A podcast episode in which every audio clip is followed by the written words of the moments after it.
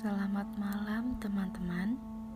Selamat datang di acara Cerita Malam Dina.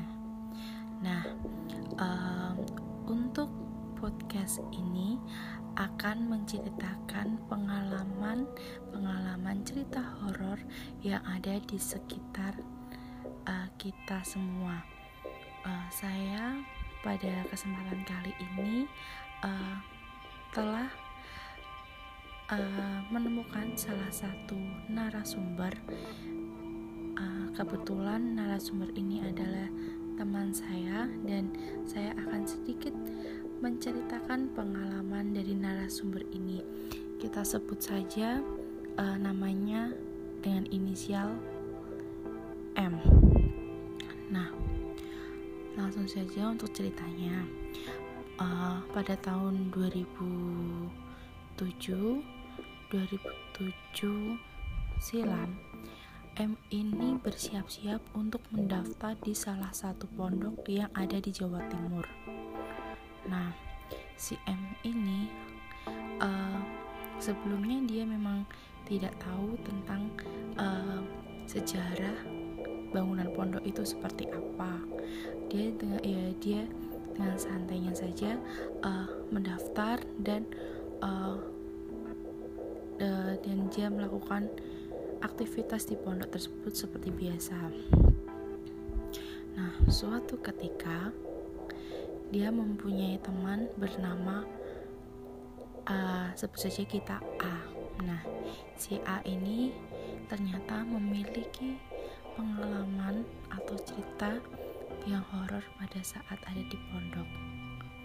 Nah, cerita ini suatu ketika setelah ada kajian malam si A ini uh, dia seperti biasa menjalankan aktivitas bersama M dan bersama teman lainnya uh, mengaji uh, dan pergi pergi ke kajian di masjid yang ada di pondok tersebut.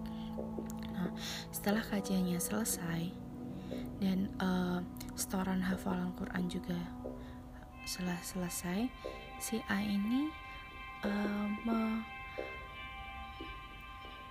meminta izin kepada teman-temannya untuk ke kamar mandi terlebih dahulu karena uh, si A uh, sudah uh, si A ini lagi uh, pengen ke kamar mandi. Nah, setelah ke kamar mandi itu dia masuk seperti biasa saja nggak ada apa-apa, tetapi uh, setelah dia buang air kecil uh, dia mendengarkan ada suara uh, di toilet sebelah seperti orang yang sedang menggunakan kamar mandi seperti air yang uh, lagi digunakan seperti itu. Nah, untuk posisinya kamar mandi ini, kamar mandi ini itu uh, kamar mandi yang di uh, seperti kamar mandi umum ya, seperti umum yang ada di pondok.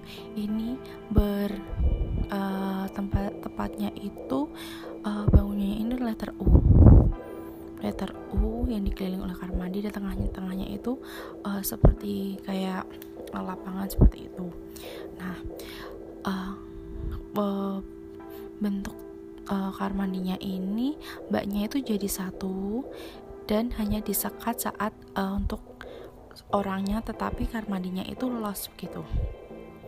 Nah suatu ket, suatu ketika itu balik lagi ke ceritanya si A ini si A ini sedang setelah itu kan sedang uh, menyiram menyiram kamar mandi dan mencuci tangan tiba-tiba ada yang bilang di kamar mandi sebelah itu mas boleh pinjam gayungnya?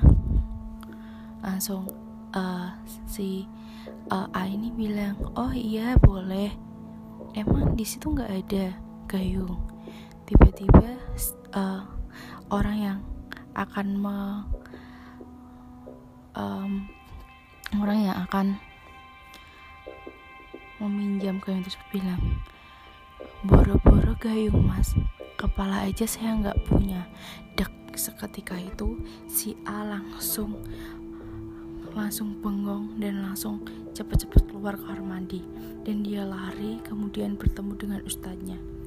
Dia bercerita dengan ustadznya ustadz saya tadi ke kamar mandi dan saya uh, ada orang yang mau pinjam gayung.